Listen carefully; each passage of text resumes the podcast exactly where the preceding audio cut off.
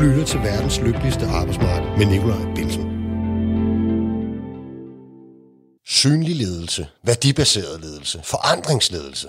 Lige så længe jeg har været tillidsmand i den offentlige sektor, har man diskuteret ledelse i de offentlige institutioner. Og lige så længe har man skulle forholde sig til politiske rammer, hvor begreber som topstyring, budgetloft, omprioriteringsbidrag, produktivitetskrav, 2% besparelser og ønsket om en offentlig sektor, der kan gå længere på literen, har været det dominerende. Det konstante synes at være, at selve synet på ledelse hele tiden udvikler sig, mens jagten på den rette formel, som både skaber gode arbejdspladser med et sundt arbejdsmiljø og kan levere en effektiv opgaveløsning og service for borgerne, sjældent er noget, vi kan give et præcist svar på med henvisning til konkrete offentlige institutioner. Men hvis man finder ud af, hvad der ikke bare er god ledelse på papiret, men også ledelse, der skaber en velfungerende og god arbejdsplads, så var det måske en idé at tale med nogen, som rent faktisk har papir på, at de er en god arbejdsplads.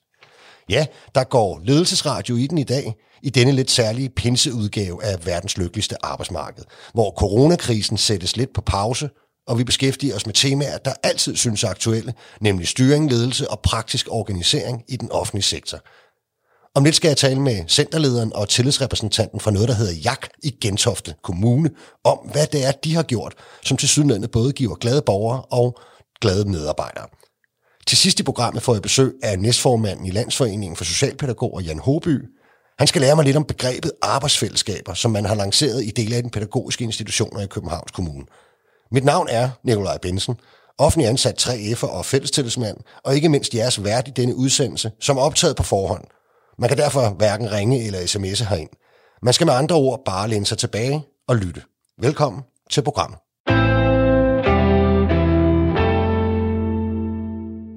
Gentofte Kommunes job, aktivitets- og kompetencecenter, eller i korte vendinger bare JAK, blev sidste år kåret til Europas bedste offentlige arbejdsplads.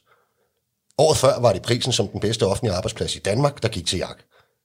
Jeg har derfor sat Christina Madsen, som er centerleder på JAK i stævne i dag, til en snak om, hvordan man skaber Danmarks og Europas bedste offentlige arbejdsplads. Hun er her sammen med Anne-Marie Jensen, socialpædagog og tillidsrepræsentant. Velkommen til jer begge to. Tak for det. Tusind tak. Jeg kan mærke, at jeg er i forrygende selskab øh, allerede, så kan du ikke bare lige starte med, vi går lige på simpelthen, Christina, ikke? Øhm, hvad er JAK og for en slags arbejdsplads?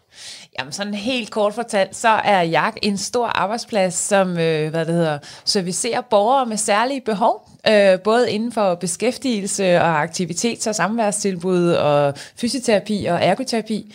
Vi er godt 100 medarbejdere ansat til at servicere borgere med særlige behov inden for den kommunale sektor. Så vi er sådan en kæmpe, kæmpe center.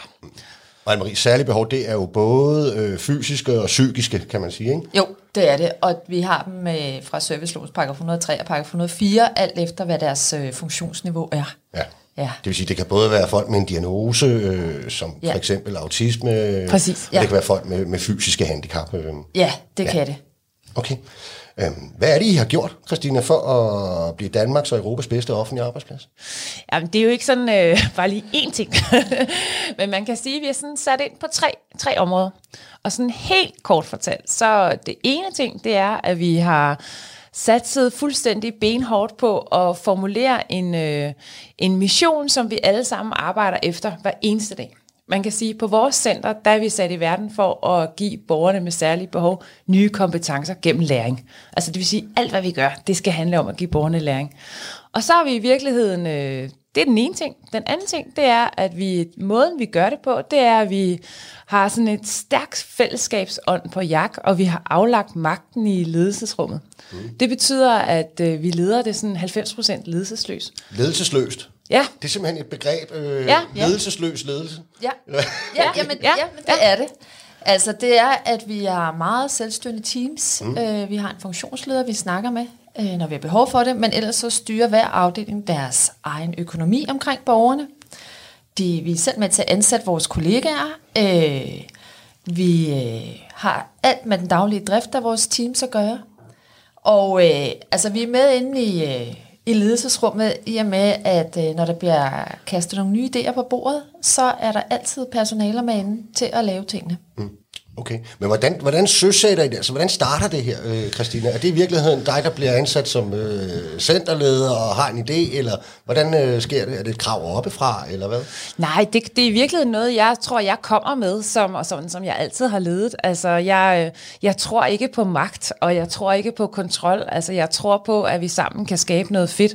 Og jeg, altså, jeg har altid gået fra at øh, hvad det hedder, dele ud af magten i virkeligheden. Så, så det er noget, jeg kom med, og da jeg havde været der i tre måneder, så satte vi os ned og smed øh, alle stjerner på skuldrene sammen i organisationen, både personaler og ledere og nogen op for HR, og sagde, hvad er det, vi er sat i verden for i den her organisation? Så den var tydelig på det fra starten. Øh, og der startede vi egentlig med sådan at dele ledelsesrummet. Så, så det har jo været en fælles bevægelse på jagt, synes jeg, man kan sige. Ikke? Åh, oh, det har det. Ja. Altså, det har jo, altså man kan sige, helt fra den dag, du trådte ind ad døren, hvor du øh, sådan skulle, øh, hvad hedder det, stå og lave en tale til os alle sammen. Så sagde Christina, at vi var sat i verden for, at, for vores borgere, og vi skulle give dem en god hverdag, og de var i centrum. Mm. Det skulle ligesom være vores DNA. Og alle personale var sådan, yes, fedt, mand. Dejligt at høre, for det er det, vi gerne vil. Og samtidig sagde Christina også, at det betød, at vi skulle have rigtig meget brug for hinanden, ledere og personaler. Øh, og hun ville ikke have noget øh, skyllerumsnak eller noget som helst, så kunne man godt forvente at komme øh, op og have en snak med hende. Hvad, hvad, hvad, var, det, hvad var det, du kaldte øh, det? Skyllerumsnak. Okay. Altså det der med at bagtale hinanden. Altså ja. alle skulle gå ind på, at det var borgeren, der var i centrum, mm. og vi skulle have, altså have fælles øh, fodslag imod, at vi altid skulle sætte borgeren i centrum først, og så måtte vi tilpasse pædagogikken, eller mm. pladsen, eller samarbejdet ja. på en anden måde, i og med, at vi hele tiden så på borgeren. Øh, og dengang var jeg også tillidsrepræsentant, og jeg tænkte, jamen det er fint, det Christina siger, men lad os nu se, om det passer. Altså, fordi det er det, man har hørt før fra Ja, hvis du ledere. var gammel tillidsrepræsentant, blev sagt, den har jeg hørt før. Ja, ja. Øh, men det var, øh, altså det viste sig jo, at øh, når der var problematikker omkring nogle personaler, så blev der taget hånd om det. Øh, og det gjorde jo, at øh, i og med at ledelsen viste, at de handlede på tingene, så kom der en kæmpe stor tillid til den ledelse, der var. Og det gav jo også personale arbejdsro. Mm. Fordi man ved godt, hvis arbejdsmiljøet ikke er i orden, så forstyrrer det hele tiden din arbejdsdag. Mm. Altså der er hele tiden noget, du går og tænker på og overvejer og tager stilling til. Men når der bliver taget hånd om problematikkerne, så giver det arbejdsro, mm. og så kan vi arbejde med det, vi gerne vil, pædagogikken. Okay.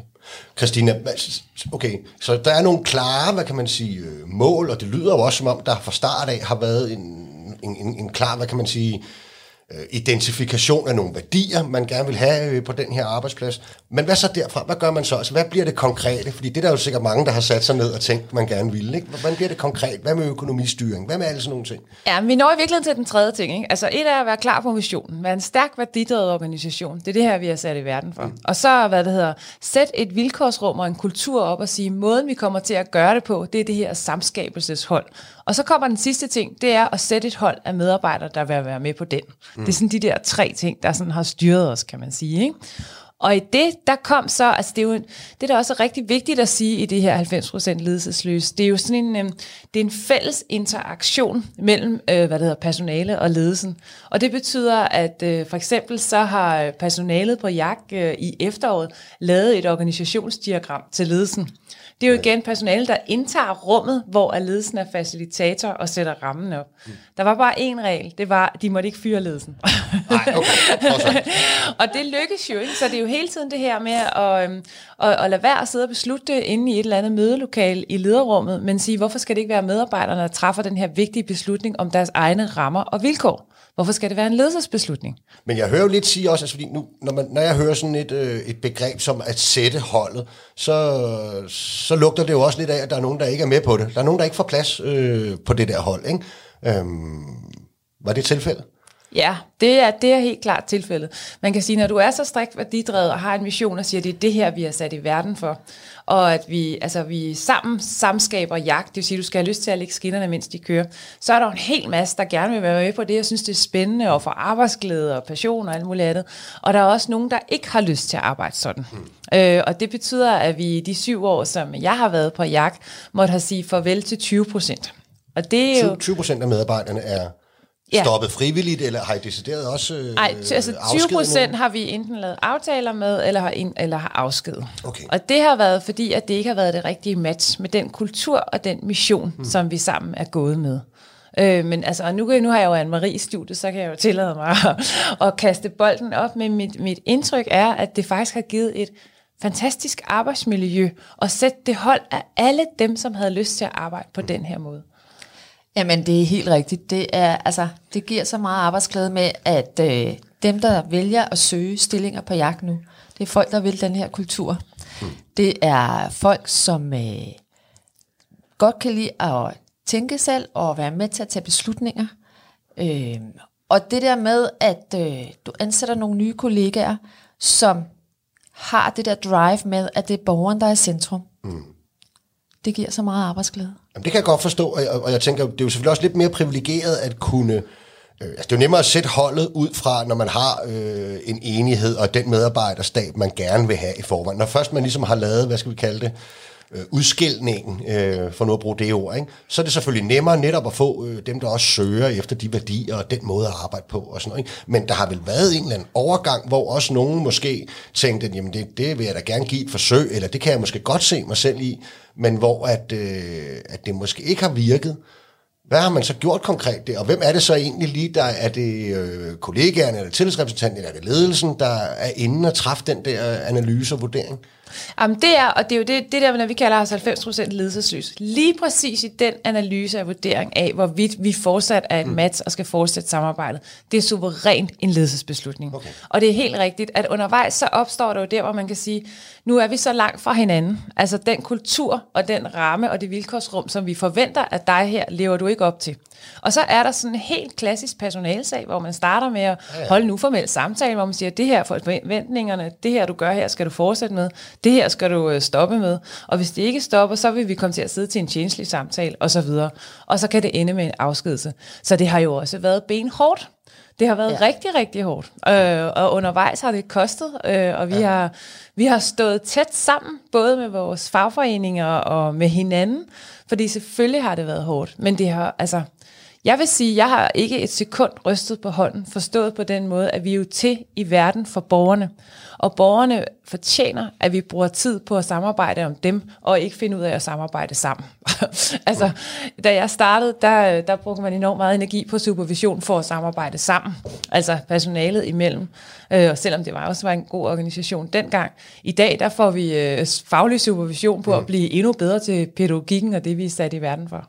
Okay. Jeg vil gerne vende tilbage til det her scene, for jeg synes, der er noget meget interessant, også hvis man trækker det over på sådan lidt større øh, niveau. Altså, øh, hvis vi skal tale om, kan det her indføres alle mulige andre steder også, så er det klart, så er det en lidt anden debat, nemlig. Så jeg vender lige tilbage til den. Man kan ikke lige prøve at, øh, at fortælle lidt om, hvad for nogle øh, konkrete resultater har I opnået? Altså alt på, på, både på arbejdsmiljøet, men også i forhold til den service, I og den opgave, I skal løse.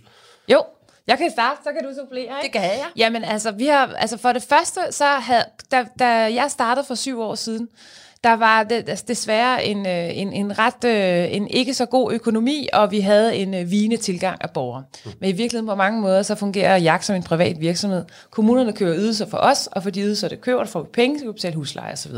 Vi stod i kæmpe underskud, og måtte ud i den første runde, afskedelsesrunde, fordi vi simpelthen manglede indtægter. Og den økonomi har vi vendt sammen. Det vil sige, at vi har i dag en balanceret økonomi på jak, og har haft det de sidste fire år. Mm. Så det er sådan, på økonomi kan man kunne måle det. Så har man kunne måle det på sygefravær, hvor sygefravær er faldet markant, og det har jo været helt fantastisk at opleve. Så har vi kunne måle det på, hvad det hedder, stresssygemeldinger. Vi har under 1% sygemeldte af stress. Okay. Og så er vi på rigtig mange ting, har vi jo den her innovationskultur. Så vi er for eksempel de første i Danmark, som til borgerne har tilbudt øh, læringsforløb, øh, hvad det hedder, i, øh, hvad det hedder, aktivitets- og samværstilbud og beskyttet beskæftigelse. Det, det er der ikke andre, der har gjort før på den her måde. Vi er også de første, der har lavet en uddannelse til måltidsambassadør i vores Center for Specialterapi osv. Vi er også nogle af dem, der lykkes med en særlig metode til afklaringsforløb, IPS. Vi kan se, at den her kultur genererer en faglighed og en nysgerrighed og innovation, som er direkte målbar i forhold til borgerne. Mm. Så vi har sådan en masse parametre, både på resultatet i forhold til borgerne og i forhold til økonomi og arbejdsmiljø tænker jeg. Har du noget til for det? Nu er det tillidsrepræsentant. Ja, ja. Eller hvad, Anne-Marie? Eller hvad? Øh, jamen, det er jo rigtigt, hvad Christina siger. Der er blevet målt rigtig meget på det her. Og altså, turen derhen er ikke, har ikke bare været en, altså, en dans på roser. Der har også været benhårdt arbejde, og det har det der med at ændre, ændre kultur, øh, fra at sige, jamen, øh, at det er borgeren, der hele tiden, man hele tiden skal tænke borgeren i centrum, og hvad er det for noget pædagogik, vi laver, og sådan noget. Det har været benhårdt. Øh, og indimellem har vi jo lavet nogle pilotprojekter på nogle af tingene, ikke? Altså blandt andet det der med, at økonomien blev lagt ud. Der var et år, der kørte nogle afdelinger med at have lagt det ud, for ligesom at se, hvordan gik det? Mm.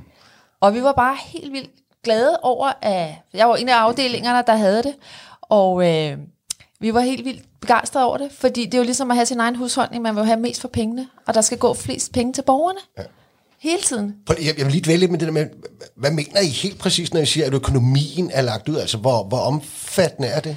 Jamen altså, vi har øh, på hver afdeling har vi al økonomi til øh, borgerne. Altså det der med, når man tager på tur, eller man køber nogle nye ting til værkstedet.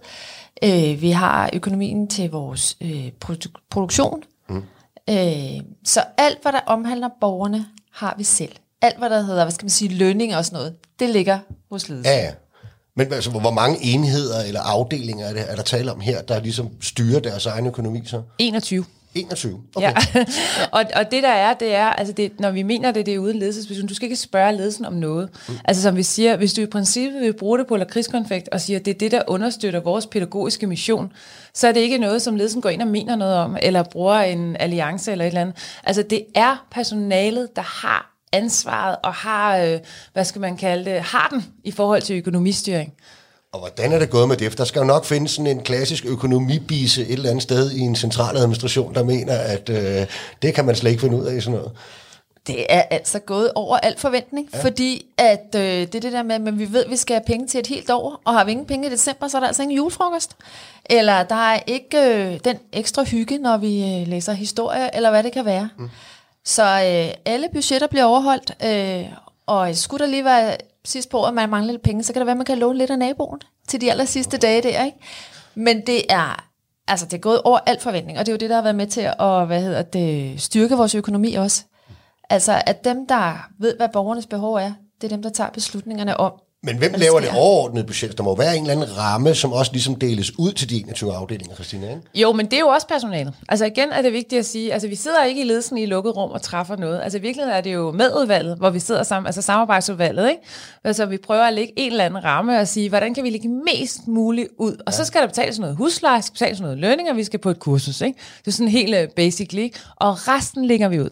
Og det betyder også, i det år, hvor vi var så heldige, at der faktisk var mulighed for, altså der var lidt penge tilbage, havde jeg sagt, øh, fordi at personalet havde været så gode til at øh, passe på pengene hele året, så delte vi jo også, så, så var det også personalet, der vurderede, hvad skal vi så investere i nu i forhold til borgerne. Øh, vi har aldrig været så gode til at styre vores budget, efter vi har lagt det ud til 100 mennesker. Så også der er, det, er der et målbart resultat. Fuldstændig. Simpelthen. Det er simpelthen så fedt. Altså, ja, det lyder altså meget interessant det der, ikke? fordi altså, jeg har jo arbejdet sammen med øh, utrolig mange chefer, øh, for hvem lige præcis det at balancere økonomien har været noget, de har været meget optaget af, brugt meget tid på, haft mange grå hår i hovedet af. Og du har altså, Christina, opfundet en, en ledelsesstil, hvor at, øh, det kan man bare øh, lægge over til andre. Øh, og så kan du koncentrere dig om alt det fede. Ja, så sidder jeg bare her ja. og drikker kaffe. Ej, det, det er jo hele ledelsesstilen er, at vilkårsrummet er så knivskarpt.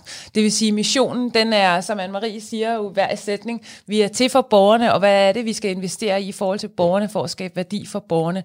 Og igen, hvis du ansætter et hold af medarbejdere, der er med på den, så, så vil vi jo alle sammen drive hver en krone for, og de penge strækker sig længst muligt. Og når du har det fælles mindset, ja, så kan du slippe rigtig mange ting fri. Det er jo for eksempel også personalet, der ansætter deres egne kollegaer.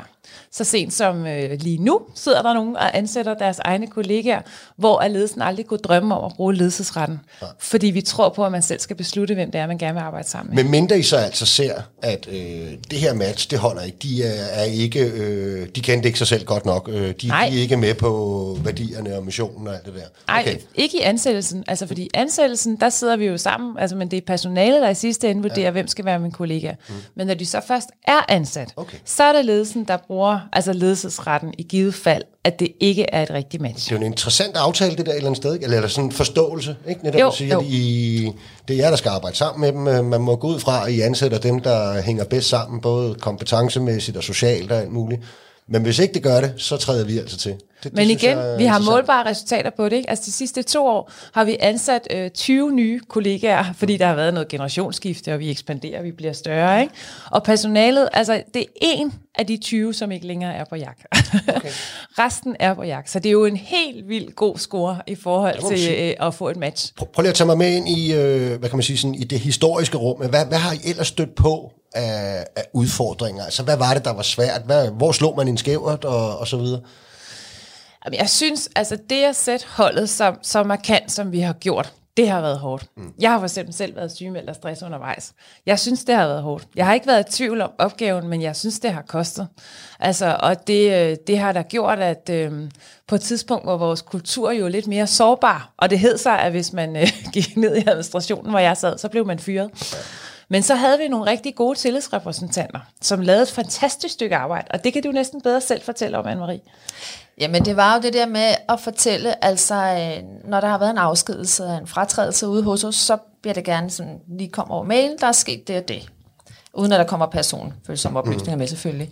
Øh, og så har jeg været rundt i de forskellige teams og snakket med personalerne. For ligesom at sige, jamen, den her aftale, den er gået lige efter bogen, og vi har vores fagforening SL i ryggen, og... Øh, Øhm, og hvad, hvad tænker I ellers altså? Og de ved jo godt, jeg kan jo ikke sige noget om den konkrete sag, men det med at få en snak og bekymringerne, altså andre personaler kan fortælle deres bekymringer, mm. eller kan fortælle, sige, det er overrasket over at høre, eller hvad søren er der sket? Men det gør, at kulturen er meget gennemsigtig, altså så gennemsigtig, ja. som den kan være, når sådan nogle ting sker. Øh, og selvfølgelig har det været hårdt, fordi når man lige pludselig mister en kollega, man ikke lige havde set det ske, så er det rigtig hårdt at være den gruppe, der står tilbage, øh, når der har været en afskedelse eller en fratrædelse. Men jeg, Ja, kom. Men det er også det, der har frigivet energi. Ikke? Jo. Fordi det, det, som, mm. det, som der er min, min oplevelse, det er, når ledelsen ikke tager ansvar for at sætte holdet, når der er en kultur, der ikke fungerer, og når der er måske en, som faktisk ikke er med på missionen og de rammer og krav, som vi har, så er det jo kollegaerne i teamet, der skal bære den hjem. Så er det jo rigtig tit nogle tunge skuldre, som skal bære den hjem. Og det er en ledelsesopgave at sikre sig, at vi, der er synergi og magi i teamet, og tage ansvar for den kultur. Så det vi også rigtig, altså det, det man jo også skal huske historisk, det var super hårdt, det her, med egentlig at sætte holdet. Men samtidig med det, så kom vi i løbet af nogle år på listen som en af Danmarks bedste, offentlige, en af Danmarks bedste arbejdspladser i med Great Place to Work. Og det gjorde vi, fordi arbejdsmiljøet og arbejdsglæden steg samtidig. Ja. Fordi at dem, som jo ikke var med på den her med, jo måske også har trukket noget energi ud af organisationen. Og lige pludselig blev der også frigivet enormt meget energi. Ikke? Så, så det, er sådan, det har fulgt ad på en eller anden måde. Nu, næv, nu nævnte du selv, at øh, du så faktisk var, øh, var sygemeldt med stress. Ikke? Og så tænker jeg på, i det ledelsesløse øh, system, hvem, øh, hvem passer så på lederen? ja, jamen altså, jeg synes, jeg har et rigtig godt bagland i Gentofte Kommune, som har passet rigtig godt på mig. Mm. Og jeg synes, at det der jo også sker, når man som leder tør være sårbar og tør være åben, og også, det er også derfor, jeg gerne fortæller om her, selvfølgelig har det da været hårdt, så, så kommer der en eller anden gensidig respekt og omsorg og tillid til hinanden. Okay. Du står frem som menneske, og måske ikke så optaget af at statuere din magt, men er optaget af at stå frem som menneske. Og det, det tror jeg er det, som i virkeligheden i det der 90% ledelsesløs, hvor vi, hvor vi deler magtens og ledelsens domæne, det er mennesker, der mødes, mm. ikke? og ikke så meget titler og positioner. Og det er det rum, der kan ske alt muligt fedt, ja. synes jeg. Ja. Altså nu, nu øh, altså, I har jo, det, er jo, det er jo fedt at have papir på, at man er en, er en fed arbejdsplads, ikke, kan man sige. og så vil sige, I kan også måle det. Øh, jo, det må være meget rart. Ja, det er okay. Jo, jo, det er okay. og, og, og I kan måle det, og, og resultaterne taler jo meget for jer selv. Ikke? Det, jeg synes kunne være interessant øh, i, i den her samtale og i det her program, det er jo også om, hvad for nogle af jeres erfaringer tror I, man kunne bruge andre steder? Altså nu, jeg er jo selv offentlig ansat, og vi diskuterer jo ledelse i den offentlige øh, sektor, øh, og har gjort det i, jeg ved ikke hvor mange år. Ikke? Øh, hvor meget kan det her oversættes øh, til andre institutioner? Det kan det sagtens. Altså prøv at høre, vi, er, vi, er, vi kommer fra handicap- og psykiatriområdet, vi skal dokumentere, og vi er, altså, Ja, vi er jo, ja, i den grad i et hierarkisk styreform på alle mulige, men det er jo måden, som den enkelte leder vælger at indtage ledelsesrummet på. Og det skal jo være det, som den enkelte leder finder rigtigt i forhold til vedkommendes værdier. Og så kan man jo tage nogle delelementer, men, øh, men altså tillidsreformen, som man jo snakker om, er jo ikke kommet fra ingenting. Der er jo et ønske om, at vi går den her vej mere og mere. Altså at vi leder mindre med magt, og mere med mening, og mere med tillid. Ingen tvivl om det. Og Anne-Marie, jeg tænker på, sådan, når, man, når man er medarbejder, ikke? Altså, jeg har jo selv øh, gennem øh, årene været med til store projekter, også ting, der handler om, du ved, at indføre selvstyrende grupper og øh, eksperimentere i virkeligheden med mange mulige måder at organisere arbejde på, også med, med medbestemmelse, stor indflydelse osv. Og, og den måde, vi indførte det på, der var det jo, altså vi det betød jo, at man lavede en ny overenskomst, hvor der selvfølgelig også blev indført en masse mere fleksibilitet, øh, fik også noget mere i løn, og det skal der jo stemmes om. Og, og det var sådan et snævert flertal, der ligesom stemte det i, igennem. Men vi gjorde jo for eksempel ikke den der øvelse i at snakke om med at sætte holdet. Der var det jo ud fra en vurdering om, at alle skulle have en chance for at være med øh, til det her. Og så snakkede vi faktisk aldrig rigtig videre om, øh, om den del. Og det gav jo selvfølgelig... Øh, at øh, en masse problemer ja, har jeg kunne se ja, i, i bagspejlet. Ja. Men hvis man nu tager det op på et højere niveau, det der, ikke? Øhm, jeg vil lige vil sige, hvis ikke der er plads til de der type medarbejdere hos jer, øh, hvem skal så have dem? Hvad er det så for en offentlig institution, som skal, nå, som skal have? Det, det, vi er jo nødt til, folk er jo forskellige, ikke? Folk er forskellige. Øh, men jeg tror også det der med, altså, hvordan kan man, hvordan ændrer man det her? Jeg tror, det var meget vigtigt, den der udmelding, Christina kom med. Altså, visionen er, borgerne i centrum. Og den var der jo, havde vi jo opbakning til lige med det samme. Så var det jo med at sætte rammerne på, hvordan var det, at tingene skulle være her omkring. Øh, og man kan sige, de beslutninger, vi tager i dag, hvor vi har selv været med, altså alle personaler har været med til at forhandle løn, det er jo en kæmpe stor ting. Dem kunne vi ikke have taget for syv år siden, da Christine startede. Fordi man starter jo et sted i et hjørne, og så spreder det her sig. Øh, så jeg tror, det er meget den der med at have klare retningslinjer på, hvor er det, vi skal hen. Fordi det frigiver energi til at sige, jamen det er den vej, vi skal øh, på de her ting. Åh, oh, nu falder jeg ud af den. Mm. Men det er faktisk simpelthen så rigtigt sagt. Men det er, det, det er så rigtigt sagt, det er det der med, at det er jo altså, den her sådan ret vilde kultur, ikke? Mm. Altså, og vi er vist nok dem i Danmark, der er længst altså, arbejder med det ledelseslys. Det er jo noget, vi har bygget op sammen, som Anne-Marie siger. Ja. Ikke? Og det der med, at altså, var det også sidste efterår, at personalet lønforhandlede deres egen løn. Øh, og det har sgu ikke set før, vel? Altså, og igen, det var tilbageløbsmidler, ikke? Og det er jo igen, fordi vi har en kultur, hvor personalet er vant til at indtage rummet og træffe beslutninger og være et demokratisk rum og så videre, så vi kunne gøre det, ikke? Så det er noget, man kan opbygge en kultur i organisationen til at blive klar til. Men resultatet og arbejdsmiljøet er sindssygt interessant at dvæle ved. Jeg har i hvert fald før ikke lykkes med at have specielt godt arbejdsmiljø, når jeg er lønforhandlet alle har jo været sure. Altså de fire, der har fået, de har været sure over, at de fik for lidt, og de 17, der ikke har fået, de har været stjernetosser. Ikke? Og her havde vi øh, alle, altså min oplevelse i hvert fald, synes det gav mening, og havde selv været med til det, og det var retfærdigt. Mm oplever jeg. Jo, jamen det er helt klart også den oplevelse, jeg har. Og ligesom Christina siger, altså det at forhandle løn også som til er, altså det er den tid på året, man bliver allermest udskilt, fordi mm at, I know. Nå ja, det må du kende. Ja. Fordi at folk er ikke tilfredse med det, man forhandler, uanset hvor godt man synes, man gør det. Ikke? Ja. Men det her, det har virkelig givet Kollegaerne synes, du er en spralmand, og ledelsen synes, du er en klarpat. Det, ja, ja, ja, ja. Så, så ligger du Super. Ja. Jo. Ja. Men må jeg, må jeg, lige sige en ting? Øhm, nu hvis vi snakker om det her med, om man kunne bruge det andre steder, Christina, at, altså, kan det spille en eller anden rolle, og skal man tage hensyn til, øh, eller med i vurderingen i hvert fald, at at, at vi trods alt også er i Gentofte Kommune. Har du ikke måske mulighed for at rekruttere øh, øh, noget både bredere, øh, end man kan gøre i en lidt fattigere kommune, som også ligger et lidt andet sted og så videre, og har øh, du måske i virkeligheden også måske nogle øh, brugere, der måske er mere ressourcestærke, har et bedre netværk og så videre end i andre kommuner. Eller hvad. Oh, det er bare et spørgsmål, jeg ved det Passer det? Kunne slå dig ihjel, når du siger det. Ej, forstået på den måde, at altså, vi er jo på nøjagtigt samme vilkår som ja. alle mulige andre institutioner i Danmark. Altså, vi har ikke nogen særlige penge eller særlige guld på væggen. Vi ligger i et industrikvarter bag IKEA. Altså, øhm, og det, der er klart noget med hovedstadsområdet har nemmere ved at rekruttere en, øh, en længere. Det er det, jeg er med på. Men når det så er sagt, så er handicap og psykiatriområdet, vi er bestemt ikke kendt for at have let ved at rekruttere. Ja. Tværtimod. Øh, og der har vi bare kunne se, at vi har enormt let ved at rekruttere, fordi der er rigtig mange, der gerne vil være med til at bidrage til vores mission og arbejde på den her måde. Så altså, generelt oplever jeg en kæmpe opbakning, men, men vi står egentlig ikke et specielt attraktivt sted. Jeg ved ikke, om der er nogen, der, der meget gerne vil arbejde i Gentofte. Jeg er selv super glad for at arbejde i Gentofte. det er slet ikke det. Anne-Marie, her, øh, her, når vi nærmer os øh, slutningen, Jeg synes, det er meget interessant at observere jer to. Altså, det er jo, hvis man typisk sætter en chef og en tillidsmand sammen, og de skal fortælle om, hvor fantastisk det hele er, øh, så, så snakker chefen øh, 70 procent. Men man kan jo faktisk mærke, at den øh, ledelsesstil, har, og den måde, øh, det kører på, det, det er også sådan, I ligesom øh, sidder og den af her nu. Ja, hvordan har det været for dig? Altså, prøv lige at forklare mig, hvordan, øh, hvordan har det været for dig at gå igennem øh, hele den her proces? Jamen, jeg vil sige, vi har alt- altså, samarbejdet mellem TR og øh, ledelse på JAK har, har altid været godt. Men man kan sige, at tingene er blevet mere gennemsigtige. Og i og med, at de bliver mere gennemsigtige, kan du også bedre komme med dine holdninger og dine idéer til, hvordan tingene skal være. Mm. Altså, når ledelsen har, øh, har valgt at åbne så meget op, så er der jo ikke noget, der er fordækt, eller der er ikke nogen gemte penge, eller der er ikke nogen ting, øh, som man ikke må sige højt. Øh, altså, vores ledelse har et motto, der hedder, det vi ved, det ved I også. Til personalerne.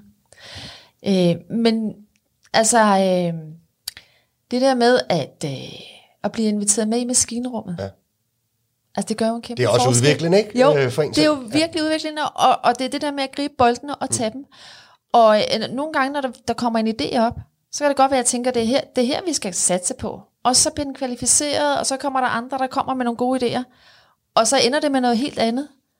Men vi har jo alle sammen været en del af det, kan man sige. Ja. Øh, så det er jo hele tiden den der med, når der bliver spillet nogle bolde op, og gribe dem, og tage dem, og ja. turde gøre det. Ja. Fordi det kræver da også, altså, at man er aktiv i sit arbejdsliv, og har nogle idéer, og kæmper for sine idéer. kræver noget mod. Christina, hvis... Øhm, sidste spørgsmål her, ikke? Og, hvis, øh, og det bliver stort. Øh, ja. hvis, øh, hvis vi nu, at øh, en masse andre skulle gøre, som I har gjort, øh, derude, der er jo altid sådan noget med, hvis man læser noget ledelsesfilosofi og nogle bøger og nogle teoribøger og sådan noget, så, så det svære, det er jo at sige, hvad, okay, hvad går vi så ud af døren og gør nu? Ikke? Ja. Øh, første step og anden og tredje og så videre. Hvad gør man? Jeg tror, jeg vil gøre det, at lige om lidt, så udkommer der en bog, der hedder Medarbejderens Bekendelser. Den læser Af- man. Ja, det gør man faktisk, fordi den kommer af Louise Dinesen og øh, Steffen Holt, og den fortæller i virkeligheden om sådan mere klassisk ledelse. Hvad gør det ved mennesker i forhold til at ud i gennemsigtighed og være underlagt magt og kontrol og alt muligt andet. Når man mærker den bog der, så, så får man lyst til at gøre det anderledes af min erfaring. Så i virkeligheden er det jo noget med at altså, tage nogle delkomponenter, og så prøve at tage, altså vise, altså handle tillid. Min erfaring er, jo mere man handler tillid, jo mere får man tillid igen. Det er helt vildt så fed en organisation, man kan skabe, hvis man aflægger magten. Altså, jeg, jeg mangler ord for at fortælle, hvor fantastisk et arbejdsliv du kan lave for alle. Det lyder i hvert fald helt utroligt spændende, synes jeg, og jeg har været med til at diskutere ledelse og organisationstilpasning og organisationsændringer i rigtig mange år. Christina Madsen, centerleder på JAK i Gentofte, og Anne-Marie Jensen, tillidsrepræsentant på JAK i Gentofte. Tusind tak, fordi I ville være med i programmet. Det var rigtig interessant. Tusind tak. Du lytter til verdens lykkeligste arbejdsmarked med Nikolaj Bensen. Og man skal jo huske, at vi optager på forhånd, så man kan hverken ringe eller sms'e ind til dagens program. Og fra Gentofte og Jak, så skal jeg nu vende blikket mod hele den grundlæggende idé om at gå fra arbejdsplads til arbejdsfællesskab. Og det gør jeg sammen med Jan Hoby, som er næstformand i Landsforeningen for Socialpædagoger, i daglig tale bare kaldet LFS, og som har skrevet og beskæftiget sig en hel del med det her emne. Velkommen til programmet, Jan. Tak skal du have. Øhm, kan ikke lige bare starte øh, helt overordnet med at fortælle, hvad, hvad, hvad går det her begreb ud på arbejdsfællesskaber? Jamen, det er et forsøg på at lave et modsvar på New Public Management og individualisering af, af arbejdslivet. Øh, Jeg plejer at sige, at øh, livet er for kort til dårligt arbejdsmiljø, og arbejdslivet øh, er alt for langt til dårlig arbejdsmiljø. Og det, man kan identificere, det er, at øh, der er rigtig mange mennesker, der hænger i nødbremsen. Øh, 500.000 danskere er, er, har stress-symptomer, øh, øh, og 1.400 danskere dør om året på grund af arbejdsrelateret stress. Så vi taler om en epidemi af, og en katastrofe af rang, og I har også øh, haft det emne på her. Og derfor vil vi, stille, var vi nogen, der stillede os spørgsmålet, øh, hvordan kan vi gøre det anderledes, når vi tilbringer så meget tid på arbejde? Hvordan kan vi gøre det øh, bedre, så vi ikke øh, laver benspænd og snubletråde for hinanden? Og arbejdsfællesskabet handler om at genetablere noget, som engang var. Øh, jeg er så gammel, så jeg kan huske, at arbejdsfællesskab eller arbejdersolidaritet, det var, øh, det var noget, der var navlfast, da jeg oprindeligt uddannede blingeslager, og hvordan man genetablerer det. Og det var det, vi gik i gang med at sige, at vi, vi kan ikke, hvis vi ikke står skulder ved skulder i hverdagens stund, øh, og overholder de aftaler og de fælles opgaver, vi har, øh, så ender vi med at gøre helvede hit for hinanden på arbejdspladsen, og det er det, som vi startede med at kigge på. Okay. Hvad, hvad er forskellen på en arbejdsplads og et arbejdsfællesskab? Det er, forskellen er jo, om man er en, en gruppe af medarbejdere, eller man er en medarbejdergruppe. Om man i realiteten har en fælles forståelse af, hvad fanden kerneopgaven går ud på, i ord og handling. Vi ved, at øh, mange mennesker kan godt være enige i ord, men hvis de ikke er enige i handling, så opstår der øh, automatiske benspænd og snubletråd. Altså, hvis man er i en daginstitution, hvordan afvikler man spisesituationen? Hvordan trøster man et barn? Øh, hvis man er lærer, hvordan er det, man laver konflikthåndtering? Hvordan er det, at man inkluderer alle elever?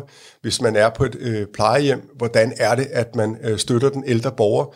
Hvordan øh, hvad det hedder, giver man omsorg til en person, der er i krise, og så fremdeles. Så hvis det er forskellige måder at tale til folk på, og handle over for folk på, så går det galt, og så kommer der en svingende kvalitet i kerneopgaven. Det vil svare til, at blikkenslageren eller tømmeren, øh, blikkenslageren øh, satte, øh, lagde skifersten op på en anden måde end kollegaerne. Øh, der er nogle faste rammer og strukturer og organisering, der skal til, og nogle faste greb, og det er der sådan set også i relationsarbejde og i alt muligt andet arbejde. Okay. Hvor stammer begrebet egentlig fra? Jamen, man kan sige, øh, øh, det har, der har været nogle arbejdssociologer, der i, i, i 50'erne og 60'erne i Sverige arbejdede med begrebet. Men grundlæggende set, så, så kan man sige, at arbejdersolidaritet øh, og arbejdspladssolidaritet har været i, i, i kernen i, i fagbevægelsens udvikling fra, at man begyndte at organisere sig det at være organiseret på en arbejdsplads og have fagpolitiske fællesskaber, mm. det har været kernen og DNA'et i øh, fagbevægelsens øh, vækst i særligt i den veludviklede del af, af, af verden i Europa. Prøv lige at komme med nogle konkrete eksempler på, hvordan et arbejdsfællesskab kan være, øh, kan være med til at skabe et bedre arbejdsmiljø. Jamen, jeg vil hellere vente den om at sige, øh, komme med eksempler på, hvad, hvad det er, der er øh, fraværet af arbejdsfællesskab. For i virkeligheden er det ved at, at give eksempler på det, der ikke fungerer, at man får øh, når frem til, hvordan det skal fungere. Okay. Og man kan sige, at øh, de sidste fire år, jeg har turneret land og rige rundt i særligt den offentlige sektor, øh, og holdt oplæg om arbejdsfællesskaber, og vi har også gjort os en masse erfaringer i Københavns Kommune, fordi at øh, Københavns Kommunes politikere vedtog øh, øh, øh, en, en, en, en tekst omkring at Københavns Kommune. Charter. Et charter har de så udviklet nu, men i, i, øh, ved, i 15, oktober 15 vedtog man så en, en politisk tekst i et budget, fordi der ligesom var trædestenen for arbejdsfællesskaber. Og der har vi så lavet en masse projekter over i det, der hedder Børne- og Ungdomsforvaltning i Københavns Kommune, mm. som er Danmarks største arbejdsplads med 18.000. Og det man kan sige, de første fire øh, år har vist, at de store udfordringer ude på arbejdspladser, det har, handler ikke om rammevilkår. Det handler om, hvordan vi er sammen, når vi er sammen. Okay. Og det første er, at der laves tonsvis af aftaler, men de overholdes ikke. Altså fem mennesker sidder til et møde, og er enige om, at vi gør sådan her fremadrettet, og så går man ud for møde, og så er der fire af dem, der ikke overholder de her aftaler. Så har vi balladen. Og den anden er, at der ikke er en fælles forståelse af kerneopgaven i ord og handling. Altså det kan godt være, at vi er enige om, at vi skal give omsorg til de ældre på et plejehjem. Men hvad betyder det i virkeligheden, når det rammer den ældre? Mm. Hvis vi tre, der sidder her i studiet, i realiteten har tre forskellige måder at yde omsorg til den ældre på, så er det den ældre, der i realiteten får en, en, en svingende kvalitet i mødet mellem den professionelle øh, medarbejder, og så det, hun bliver udsat for. Mm.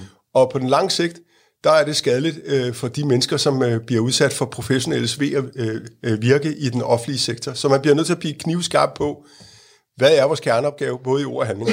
Og den tredje ting er, at der ikke tages det nødvendige medansvar for kerneopgaven, arbejdsmiljø og samarbejde. Altså, det er noget, nogle andre må fikse. Det, jeg, jeg løser min kerneopgave. Jeg løser, jeg tager vare på mig. Hmm. Men her bliver man nødt til at sige, at man har medansvaret for alle ens kollegaers ved og vel, når man for går helheden. på For helheden, ikke? Ja. Og så er der, kan man sige, det er en lavt hængende frugt, men den er et meget stort problem i den offentlige sektor, at der ikke er en struktur, organisering, planlægning og, og systematik, der understøtter kerneopgaven. Hmm. Altså, øh, man plejer at sige, at øh, øh, dårlig kultur æder øh, struktur til morgenmad. Mm. Men i virkeligheden med ideen om arbejdsfællesskabet handler det også om at sige, at god struktur æder dårlig kultur til, øh, hvad det hedder, okay. til morgenmad. Og, og her er det en underkendt, det er meget undervurderet og underkendt størrelse, at struktur, hvis vi oversætter til børnesprog, så handler det om rutiner. Børn har brug for rutiner. Hvis der ikke er en rød tråd i børns, i vugstue og børnehave, og også i folkeskolen i deres liv, så hvad det hedder, går det galt for dem. Så skaber det utryghed, uvidshed og usikkerhed. Men det ved vi også fra arbejdsmiljøforskning. Er der ikke en fast struktur, organisering og planlægning, så render mange rundt som øh, høns uden øh, hoveder øh, på arbejdet. Jeg har mødt folk, der møder ind på arbejde, og grundlæggende set ikke ved, hvad fanden der skal ske i løbet af dagen og i løbet af ugen. Og det ved vi fra arbejdsmiljøforskning, at det er en stressfremkaldende øh, faktor, der gør, at du taber øh, mening. Og den øh, sidste ting, det er, at alt er til forhandling hele tiden, fordi at der ikke er kendte roller, opgaver og funktion. Og det lyder helt banalt, men de her øh, hvad det hedder, fem punkter er egentlig det, som er udgangspunktet for at tale om, hvordan vi så kan gøre det bedre, fordi at, øh, i, jeg har mange beskrivelser fra medarbejdere, der beskriver, at det er det, der er problemet, og hvis vi har tid til det, så vil jeg læse noget op for, en, øh, for et kæmpe øh, øh plejehjem. Jeg skal ikke sige, hvor det er henne, men det er meget typisk øh, for arbejdspladser. Så det, det, de her fem punkter, de er universelle på det danske arbejdsmarked, og det er dem, vi skal have fjernet, fordi så er det kun presset for rammevilkårene, der bliver udfordringen. Og, og hvordan, hvordan gør man så det? Jamen det første er, er jo, at øh, folk skal kunne identificere det. Jeg arbejder med, at, øh, at, øh, at folk, når jeg er en del af det, også når børne- og ungdomsforvaltning er, det er, at folk skal beskrive, give eksempler på fravær af arbejdsfællesskab. Og jeg vil bare sige, at jeg har oplevet, at øh, offentlige ansatte øh, primært øh, er knivskarpe til at identificere, hvad er benspænd og snubletrådene på deres arbejdsplads. Og når de kan det, så kan de også fjerne den. Og det er det, der i virkeligheden er, at jeg oplever tit, at øh, øh medarbejdere og ledere i den offentlige sektor aldrig får tid til at snakke om elefanten i rummet, om det, der grundlæggende set forstyrrer dem alle sammen. Og der er ikke nogen, der ønsker at gå på arbejde og blive forstyrret i det, de brænder for, for så brænder de sammen. Og her er situationen, at man skal bare skabe nogle måder, hvor det kan blive nemt for alle, at man sænker dørtrinet, så alle kan være med til at være en del af, af, af løsningen. Og jeg vil bare sige, jeg undrer mig over, og jeg udfordrer også arbejdsmiljøprofessionelle på det, jeg undrer mig over, hvorfor man aldrig, aldrig nogen, der har stillet det helt banale spørgsmål. Giv eksempler på fravær af arbejdsfællesskab på din arbejdsplads. Fordi det, det er guldgrupper, man øh, får. Altså, hvis jeg må forstyrre øh, læserne med det, så øh, er det, har jeg bare sådan et eksempel fra en kæmpe arbejdsplads. 170 øh, dygtige sosuer og sygeplejersker og ergoterapeuter. Og de øh, gav øh, lidt over 200 svar på fravær arbejdsfællesskaber øh, på deres arbejdsplads. Og en af dem, der fylder meget af samarbejde, nu læser jeg bare nogle eksempler op, som de har skrevet. Der er en, der skriver her, huset skal arbejde mere sammen og ikke, øh, ikke tænke på, at eksempelvis, at det ikke er min øh, beboer, men hjælpe hinanden i stedet for. Samarbejde. Øh, kollegaer byder ikke ind, når der er mangel på hjælp, øh, mangel på hjælp på andre gange, både her og nu og over længere tid. Overholdelse af aftaler. Når der bliver aftalt nogle tider eller ting, der skal gøres, så skal, de, så, skal, så skal det overholdes, og ikke kun tænke på, at man skal have sin pause, men arbejde til der styr på tingene, så må man se, hvor meget pause man får. Overholdelse af aftaler. Man er enige om aftaler på møder med mere, men gør efterfølgende, hvad man selv føler for, og så opstår der splid i gruppen og mellem beboerne. Og så er der en, der har det her øh, overholdelse af aftaler. Når der bliver lavet en aftale, og flere ikke overholder aftalen, og de bliver stødt på manchetterne, når man gør dem opmærksom på, at de skal overholde den aftale, de selv har været en del af. Og så den sidste her med overholdelse af, af, af, nej, af aftaler, øh, aftaler øh, når et vagthold ikke følger arbejdsplanen i forhold til tilsyn og blæskift. Det her er bare sådan helt hverdags eksempler på, mm. hvordan det er. Og så laver man krydre den med det her med kerneopgaven. Øh, jeg var ude i en kommune, Kommune, øh, hvor at, øh, jeg havde en gruppe, tre personaler øh, for tre institutioner, øh, daginstitutioner. Og det var lige sidste år i under højdet med, hvor er der en voksen og kampen for minimumsummeringer. Og noget, som man altid snakker om, det er, at, at rammevilkårene skal selvfølgelig være på plads. Men der er altså også mange pædagoger, der er knivskarpt til at identificere, at det måske øh, øh, øh, nogle gange så bruger man øh, nogle undskyldninger, som ikke er acceptable. Og her er der en pædagog, der skriver omkring kerneopgaven. At understøtte barnets udvikling og læring og trivsel bliver udfordret ved, at mange kollegaer arbejder med synsninger og plejementalitet. Mm. Ligeledes, og nu kommer pointen, ligeledes bruges besparelser og undernummeringer som undskyldning for ikke at kunne udføre pædagogiske aktiviteter – Dagligdagen opleves alt for ofte som et opholdssted for, hvor, for børnene, hvor fri leg i citationstegn dominerer hverdagen, og hvor den pædagogiske faglighed kan være svært at få øje på. Ovenstående resulterer i stor fravær af det pædagogiske ansvar og det pædagogiske arbejde. Her er, og de beskrivelser har jeg masser af, at dygtige, kompetente offentlige ansatte, til trods for kummerlige rammevilkår, kan identificere forskellen mellem høj faglighed og mindre høj faglighed. Men tror du ikke alligevel, der er nogen, der føler sig lidt trådt over tæerne af, af, af sådan et, øh, et statement der? Altså, der er jo nogen, der vil sige, jamen, øh, rammevilkårene er altafgørende. Og jeg er med på, at der også går en del plejersnak i, i det der, men kommer man ikke til at træde nogen over tæerne? Øh. Ja, så det er klart, hvis man tager sådan noget her ud på Facebook, eller, eller forviser det for nogle øh, venstreorienterede politikere, så vil de ikke kunne håndtere det her. Og for mig at se, der, der, når man er på en arbejdsplads, jeg har nu øh, besøgt, øh, øh holdt oplæg for mere end 14.000 medarbejdere, og har lavet rigtig mange af de her, øh, jeg laver sådan noget teambuilding, øh, øh, hvad det hedder, arbejds, øh, arbejdsfællesskab som teambuilding, hvor folk kommer frem med de her ting her. Og jeg har ikke oplevet, at nogen er blevet stødt på manchetterne, eller er blevet trådt over tæerne, øh, fordi at folk efterspørger, at vi kan snakke ærligt og redeligt og professionelt om det, der i realiteten ikke fungerer, i stedet for, at alle mulige kommer udefra og fortæller os, hvad det er, vi skal gøre. Og så står vi alligevel en rådvild bagefter og tænker, hvordan gør vi det? Nej, det her det handler om, at folk skal selv identificere, hvad de, hvordan de vil skabe øh, verdens lykkelig, lykkelig, lykkeligste og bedste arbejdsplads. Det kan vi godt lide, ja. Så det er det, der er udgangspunktet. Drivet er dem. Jeg kommer ikke med svarene, jeg faciliterer bare en, projekt for, eller en proces, men det er dem, der har svarene, og det er det, der er interessant at vi skal gå tilbage til at spørge de mennesker, det handler om, hvordan de vil gøre deres arbejdsplads endnu bedre. Fordi får du tid til at være et arbejdsfællesskab, får du også tid til at blive til stærke fagpolitiske fællesskaber, der kan udvikle stærke handlingsfællesskaber. Mm. Og mange arbejdspladser lider også under svingende kvalitet i organisering, altså høj fravær af høj organisationsprocent, de også nu tænker du på faglig organisering. Faglig, ja, faglig ja, fagforeningsorganisering, fagpolitiske fællesskaber. Mm. Og der bliver man nødt til at sige, at hvis man laver sådan en mere større, større analyse, så er der en kausalitet mellem fravær af arbejdsfællesskaber og stærke fagpolitiske fællesskaber, og dermed stærke handlingsfællesskaber. Mm. Så det er en win-win situation, men også en win-win situation i forhold til, at som sagt, arbejdslivet er for langt til dårligt arbejdsmiljø, og tallene taler sig for sig selv. Og vi har prøvet rigtig mange projekter og initiativer rundt omkring, og det her arbejds, ideen om arbejdsfællesskab er i realiteten noget, der vokser op nedefra. Det er jo ikke noget, der det er jo ikke forkrummet projekter. Under coronakrisen har vi jo set, at arbejdsfællesskaber mange steder i den offentlige sektor har stået knivskarp, mm. fordi folk har været 100%... Sundhedssektoren er vel det bedste eksempel i virkeligheden. 100%. Og daginstitution også, men det er helt utroligt, hvad der er lykkes. Altså mm. uden at der har været HR-afdeling over, hvis arbejdsfællesskab var udviklet en HR-afdeling, så er vi slet ikke kommet afsted endnu det her, jeg har jo ikke udviklet det her med en eller anden akademisk brille, øh, fordi det er LFS, der har stået øh, revitaliseret det. Men det, men det har vi ikke gjort med en akademisk, det er ud fra praktiske erfaringer, øh, og al min inspiration og al min viden om det her, det handler om, hvad kollegaerne ude i den offentlige sektor øh, siger, og de har de bedste bud på de bedste løsninger. Og det så vi, som du selv siger, med coronakrisen på hospitalerne, de kunne meget mere. Og det er det der med, når vi snakker om at frisætte de offentlige ansatte, så er arbejdsfællesskabet også en del af et nyt frihedsbrev, til de offentlige ansatte. Jo, det, det kræver så også, og det er noget af det, vi faktisk har snakket meget om i den, øh, den, den første halve time her, at, øh, at der skal være en meget, meget, meget tydelig og, øh, hvad kan man sige, vision og mission. Man skal være meget enige om en kerneværdi om, hvorfor Præcis. er vi på den her institution? Hvem Præcis. er det, vi skal hjælpe? Ikke? Øh, og, så videre. Øhm, og det vil ikke altid, tænker jeg, at man, man nødvendigvis kan få den. Nå, men alt, altså det er jo det der med, at alt er forhandlet i den danske velfærdsstat. Nogle gange så glemmer man også, at alt er forhandlet på en arbejdsplads. Alt skal forhandles om, hvordan vi på vores arbejdsplads, om det er en folkeskole, plejehjem eller en dagstation, hvordan vi oversætter de politiske rammer, mm. altså den politiske ramme for, for pædagogikken, eller for, for folkeskolen, eller for plejehjemmene, som kommunalbestyrelsen har, har vedtaget, hvordan oversætter vi det på vores institution, på vores arbejdsplads? Og det er en forhandling. Mm.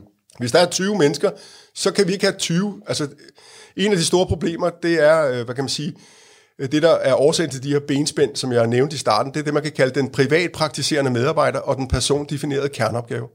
Vi har alt for mange år i den offentlige sektor sagt, at hvis vi bare er enige om de overordnede mål, når vi møder ind på skolen, eller daginstitution, eller døgninstitution, eller plejehjemme, så kan hver medarbejder tage det, øh, øh, som de har lyst. Og den individuelle, øh, altså den privatpraktiserende medarbejder og den persondefinerede kerneopgave, er en kæmpe skimmelsvamp ind i en organisation. Så hvis du har 20 medarbejdere, kan der ikke have 20 forskellige måder at øh, gå til den mm. ældre borger på. Nej, jeg tænker, det stiller vel også nogle krav til lige præcis konkret en, en leder her. Ikke? Altså, hvordan ændrer det her en lederrolle?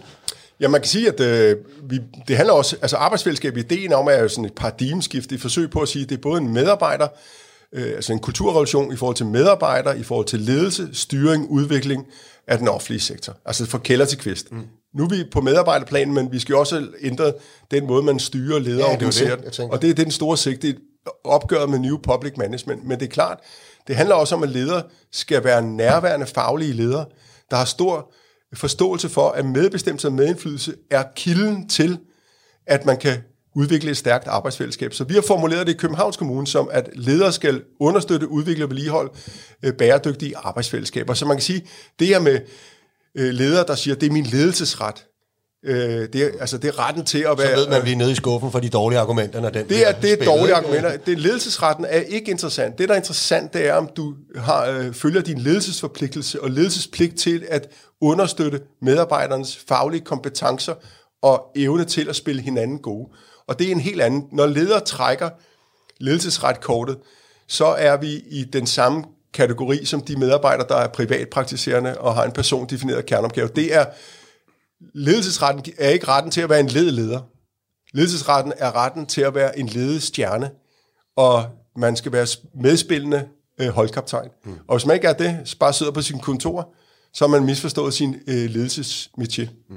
Men det, man kan sige, noget af det her, det trækker jo et eller andet sted måske i, i en anden retning af, af, hvad man ellers har set i den offentlige sektor i mange år. Altså nu kan man sige, det vi havde overenskomstforhandlingerne i 18 og meget af det omdrejningspunkt, det handlede også om mange andre ting, omkring respekt og værdighed, omkring offentlige ansatte og byråkrati osv., men det handlede jo også om et arbejdsgiverprojekt, øh, hvor man jo snakkede i en lidt anden retning af det, du sidder og taler om, som handler om at udvide ledelsesrummet, øh, især for at sætte nogle strukturer og mekanismer ind, som, ja lad os være ærlige, kunne, øh, hvad kaldte de det, den offentlige sektor skal gå længere på literen, tror jeg var, var udtrykket, ikke? Øh, så det trækker jo en anden retning. Hvordan, øh, hvordan ser du det? Jamen altså, hvad, altså, altså, prøv at høre, selvfølgelig tænker de det. For hvis, der ikke har, hvis du ikke har et alternativ som leder, hvad skal du så gøre? Hvis du, det er jo ikke fordi, nogle af de her ting, som jeg... Dem er der også ledere, der identificerer. Det gør man også i den øverste del af den offentlige sektors ledelse. Identificerer nogle af de samme ting. Det er ikke fordi, det, er, det er raketvidenskab. Problemet er bare, hvis du ikke har et andet alternativ til New Public Management, så går man af den slagen vej, som man kender, hvis du ikke bliver præsenteret med et troværdigt alternativ. Men jeg vil bare sige, at nu er jeg også næstformand i landets største hoved med børne- og ungdomsforvaltning, Københavns Kommune, og, og, og, og er også ude og snakke om arbejdsfællesskaber og medorganisationer øh, rundt omkring i landets kommuner og regioner. Og jeg møder ikke nogen. Jeg møder ikke nogen øh, øh, øh, øh, topledere, som har den tilgang, som KL og danske regioner havde, øh, eller staten havde under OK18. Så det er mere en politisk styring i virkeligheden af den offentlige sektor? Ja, og, det, og man, man, man, sige, man bliver også nødt til at sige, at øh, når Mette Frederiksen og statsministeren taler om en tillidsreform, hvad er så, de skal putte ind i det? Og der ved jeg jo, at Københavns Kommunes overborgmester Frank Jensen og andre, også i KL, er begyndt at snakke om, at det der med arbejdsfællesskab, der er faktisk noget kød på den fugl der. Mm. Der er faktisk noget i det, som vi kan bruge til noget. Men man kan sige, hvad er alternativet? Alle snakker om, at vi skal have noget andet, og der siger man så det her, at vi skal bare have mindre byråkrati. Altså prøv at høre, ja. altså prøv at høre, byråkrati, der findes nødvendig byråkrati, der findes unødvendig byråkrati.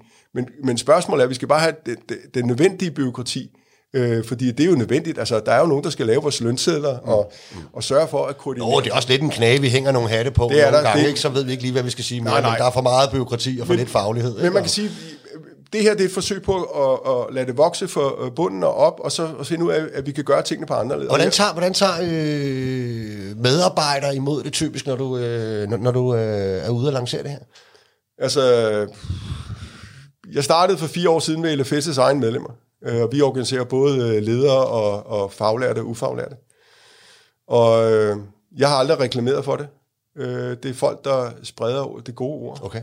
Så jeg nu er det noget hertil, kan man ja, sige. Ja, og jeg bliver inviteret ud øh, rundt omkring i, i landet. Øh, nu, jeg skulle her til efteråret have været øh, til Region Sydjyllands øh, store øh, hvad det hedder, arbejdsmiljøkonference med 800 deltagere med ledere til og AMR. Ikke? Altså, så det vokser og tager til, og jeg har et to-dages arrangement, hvor jeg kører for Ærø Kommune øh, med alle deres ledere, tillidsfolk og arbejdsmiljøomtanter. Altså, folk kan se ideen i det, at det har ramt noget i tiden, og jeg vidste jo ikke, da vi startede med det her, at det ville øh, have den her effekt, men det er jo øh, med ren håndholdt, og så er det jo mig, der ja. render rundt og missionerer. Udgangspunktet er, at jeg kommer overalt i landet gratis, øh, og det har vi prioriteret som faglig organisation, fordi at øh, vi har været trætte af alle de konsulenter, der skulle be, øh, tjene penge på at komme med deres fikse idéer, som i virkeligheden ikke mm. øh, hvad det hedder, forandrer noget. Og det sidste vil jeg bare sige, det er, der er en række forskere, og, og kendte sådan foredragsholder, øh, som den offentlige sektor bruger meget, de begyndte at ændre deres retorik. De beskifter alle deres underlige akademiske øh, ordforviklinger ud med arbejdsfællesskab, fordi arbejdsfællesskab er i realiteten meget mere end alle de her latterlige begreber, som social kapital, relationskompetence og øh, hvad der nu øh, hedder, som ikke øh, øh, som folk kan danne billeder på. Mm. Bare du ved selv, du er fællestillidsomtand. I 25 år vi snakker om social kapital, og der er ikke en kæft der ved, hvad ordet social kapital dækker over. De kan ikke bruge det, når de er ude på deres enkelte arbejdsplads. Det er noget, der foregår, så du som øh, fællestil, som kan, kan snakke med dine ledere og alt muligt. andet. Det er sådan et... Øh, et, et Mumbo jumbo. Ja, ja, mumbo jumbo sprog. Ikke? Og udgangspunktet er, jeg synes bare, vi skal snakke om det, det handler om. Kald det noget, mm. tal dansk, når vi skal snakke sammen. Arbejdsfællesskab er ordet. Jeg synes, at det er en perfekt måde at stoppe på øh, det her. Jan Håby, næstformand i LFS. Tusind tak, fordi du kom ja. forbi og fortalte om øh, de her arbejdsfællesskaber. Ja. Hvis det lyder rigtig interessant, og jeg glæder mig til at følge med i, hvordan øh, ja. det måske øh, udvikler sig mere i den offentlige sektor. Ja, tusind tak. Tak for i dag. Verdens lykkeligste arbejdsmarked er produceret af Rakkerpark Productions. Mit navn er Nikolaj Bensen. Producer er Julie Lindhardt Højmark.